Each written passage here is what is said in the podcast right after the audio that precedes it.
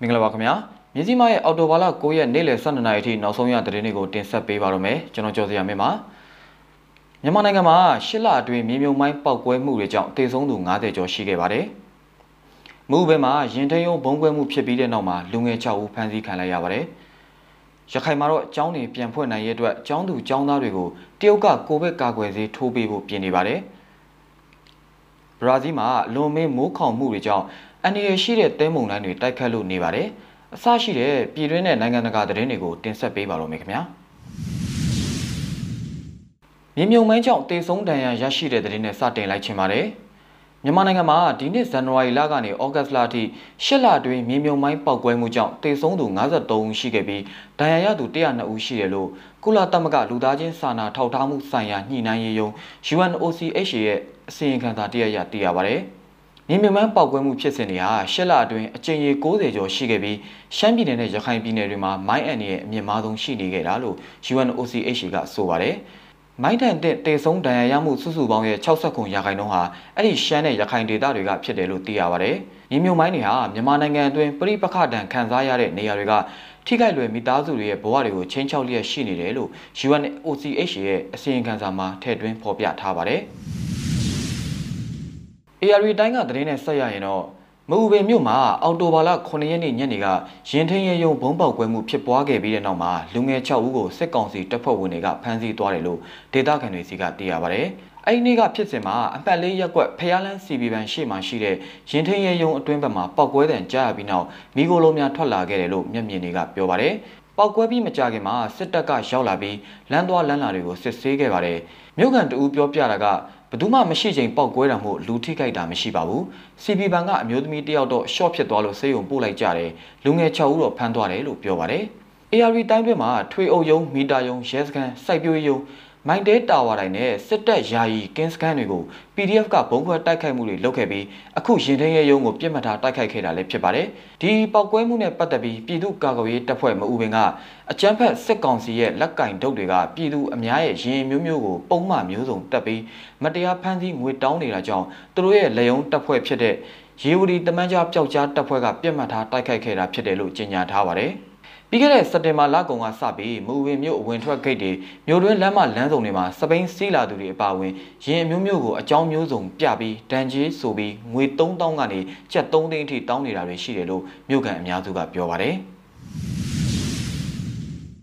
ရခိုင်ပြည်နယ်ကသတင်းတပုတ်နဲ့ဆက်ရရင်တော့အခြေခံပညာကျောင်းတွေပြန်ဖွင့်မှုပြင်နေတဲ့ရခိုင်ပြည်နယ်မှာအသက်12နှစ်အထက်ကျောင်းသူကျောင်းသားတွေကိုအောက်တိုဘာလဒုတိယပတ်အတွင်းတရုတ်နိုင်ငံထုတ် COVID-19 ကာကွယ်ဆေးထိုးနှံပေးဖို့စီစဉ်နေပါတယ်။ဒီအပိုင်းထဲမှာရောက်လာဖို့ရှိတဲ့ကာကွယ်ဆေးတွေကိုအောက်တိုဘာလ16ရက်နေ့မှာထိုးနှံပေးသွားမှာလို့ရခိုင်ပြည်နယ်ရဲ့စစ်ကောင်စီကပြောရေးဆိုခွင့်ရှိသူဦးလာသိန်းကမနေ့ကသတင်းစာရှင်းလင်းပွဲမှာပြောခဲ့တာပါ။ရခိုင်ပြည်နယ်အတွင်းကအသက်12နှစ်အထက်အလဲတန်းကျောင်းနဲ့ အထက်တန်းကျောင်းသူကျောင်းသား2သိန်းခန့်ကိုစိတ်ချလက်ချစာတင်ကြားနိုင်ဖို့တရုတ်ကကိုဗစ်ကာကွယ်ဆေးကိုထိုးနှံပေးမှာလို့သူကပြောပါတယ်။အဲ့လိုကာကွယ်ဆေးထိုးပေးမဲ့စီးရင်ထဲမှာအစိုးရစာတင်ကျောင်းတွေအပြင်ပုဂ္ဂလိကကျောင်းတွေဖုံးတော်ရည်တင်ပညာရေးကျောင်းတွေလည်းပါဝင်ပါတယ်။ကလေးတွေကိုဆေးနှစ်ကြိမ်ထိုးပြီးရင်ကျောင်းတွေပြန်ဖွင့်ပေးမယ်လို့ကြားသိထားတယ်လို့ရခိုင်ပြည်နယ်ကျန်းမာရေးဦးစီးဌာနကလက်ထောက်ကျွမ်းကြားရေးမှူးဒေါက်တာစိုးဝင်းပိုင်ကလည်းပြောပါတယ်။ အသက်အန္တရာယ်သုံးတရားထိခိုက်မှုမရှိဘူးဆိုရင်တော့ COVID-19 ကာကွယ်ဆေးထိုးပေးဖို့ဆန္ဒရှိတယ်လို့ကျောင်းသားမိဘတွေကပြောပါတယ်။တရုတ်ဆေးဖြစ်စေ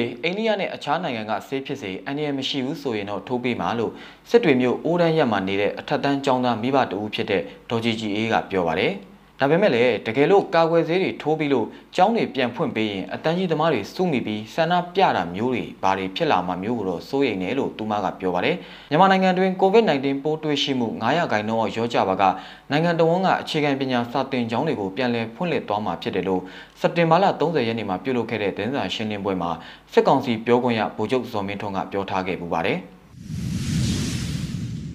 ဘရာဇီးမှာအလွန်မင်းမိုးခေါင်မှုတွေကြောင့်အန္တရာယ်ရှိတဲ့တဲမုန်တိုင်းတွေတိုက်ခတ်လို့နေပါတယ်။ဒီသတင်းအပြည့်စုံကိုလည်းဆက်လက်ရှုစားရအောင်ပါခင်ဗျာ။ဘရာဇီးအရှိတောင်ပိုင်းကစိုးဝါးတဲ့မိုးခေါင်မှုနဲ့အတူပုံမှန်မဟုတ်တဲ့အင်အားပြင်းတဲမုန်တိုင်းတွေတိုက်ခတ်ခဲ့တာကြောင့်ပြီးခဲ့တဲ့သတင်းပတ်တွေအတွင်းဆောက်ပိုလိုမြို့မှာအနည်းဆုံးလူ6ဦးသေဆုံးခဲ့ရပါတယ်။ လေတိုင်နှုန်းတနာရီကီလိုမီတာ100ထိရှိပြီးကျေးလက်ဒေသတွေကိုဖုံးလွှမ်းသွားစေတဲ့ကြီးမားတဲ့လေမုံရောင်သဲမုန်တိုင်းတိုက်ခတ်မှုဟာစက်တင်ဘာလကုန်ပြီးနောက်ပိုင်း၃ကြိမ်ထက်မနည်းရှိခဲ့ပြီးဆာအိုပေါ်လိုနဲ့မီနာဂျရိုက်ဒေသကမြို့ပြနဲ့ကျေးလက်နေပြည်သူတွေကိုထိတ်လန့်ခြောက်ခြားစေခဲ့ပါတယ်။ဆာအိုပေါ်လိုမှာတေဆုံးခဲ့ရသူ6ဦးဟာတစ်ပင်နဲ့အိမ်တွေလဲပြိုကျမှုကြောင့်အပြင်မှုန်တိုင်းရဲ့တိုက်ရိုက်ထိခိုက်စေမှုကြောင့်လည်းဖြစ်တယ်လို့ပြည်တွင်းမီဒီယာတွေကဆိုပါတယ်။တွင်းနေကြမှုန်တိုင်းတွေလို့မဟုတ်ပဲ 2021ခုနှစ်မှာမြင်ရတဲ့မှုန်တိုင်းတွေထဲမှာအင်အားအကြီးဆုံးပဲလို့ဘရာဇီးမိုးလေဝသရုပ်သံ Max Zoo ရဲ့မိုးလေဝသပညာရှင်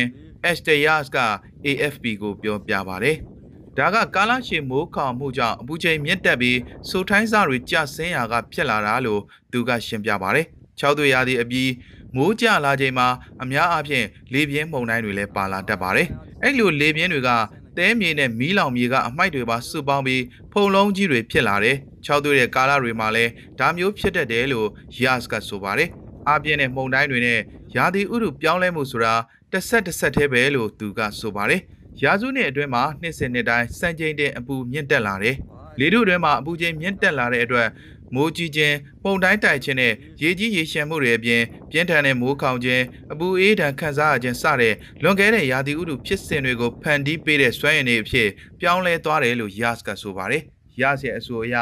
လေထုအတွင်းကိုမီတာပေါင်းထောင်ချီပြီးမြေပြင်မှာကီလိုမီတာ160အထက်ကျယ်ပြန့်တဲ့ဒီလိုမုန်တိုင်းမျိုးတွေဟာတဲကနာဒေသမှာမကြာခဏဖြစ်နိုင်ပြီးနိုင်ပေါင်းများစွာကြာမြင့်နိုင်တယ်လို့ဆိုပါတယ်။ဒါအပြင်အလွန်အမင်းမိုးခေါင်မှုဒဏ်ကြောင့်ပြစ်ထားရတဲ့စိုက်ပျိုးမြေအများပြားဟာလည်းလေပြင်းဒဏ်ကြောင့်မြေစီလွှာဆုံးရှုံးမှုတွေဖြစ်စေပါတယ်။ ဘရာဇီးနိုင်ငံဟာနှစ်ပေါင်း90အတွင်းအဆိုးရွားဆုံးမိုးခေါင်မှုဒဏ်ကိုခံစားနေရပြီးနိုင်ငံအနောက်အလဲပိုင်းနဲ့တောင်ပိုင်းဒေသမှာရှိတဲ့ရေအားလျှက်စစ်စက်ရုံတွေမှာရေမလုံလောက်တဲ့အတွက်လျှက်စစ်ဓာတ်အားကုန်ကျစရိတ်ကိုမြင့်တက်လာစေခဲ့ပါတယ်။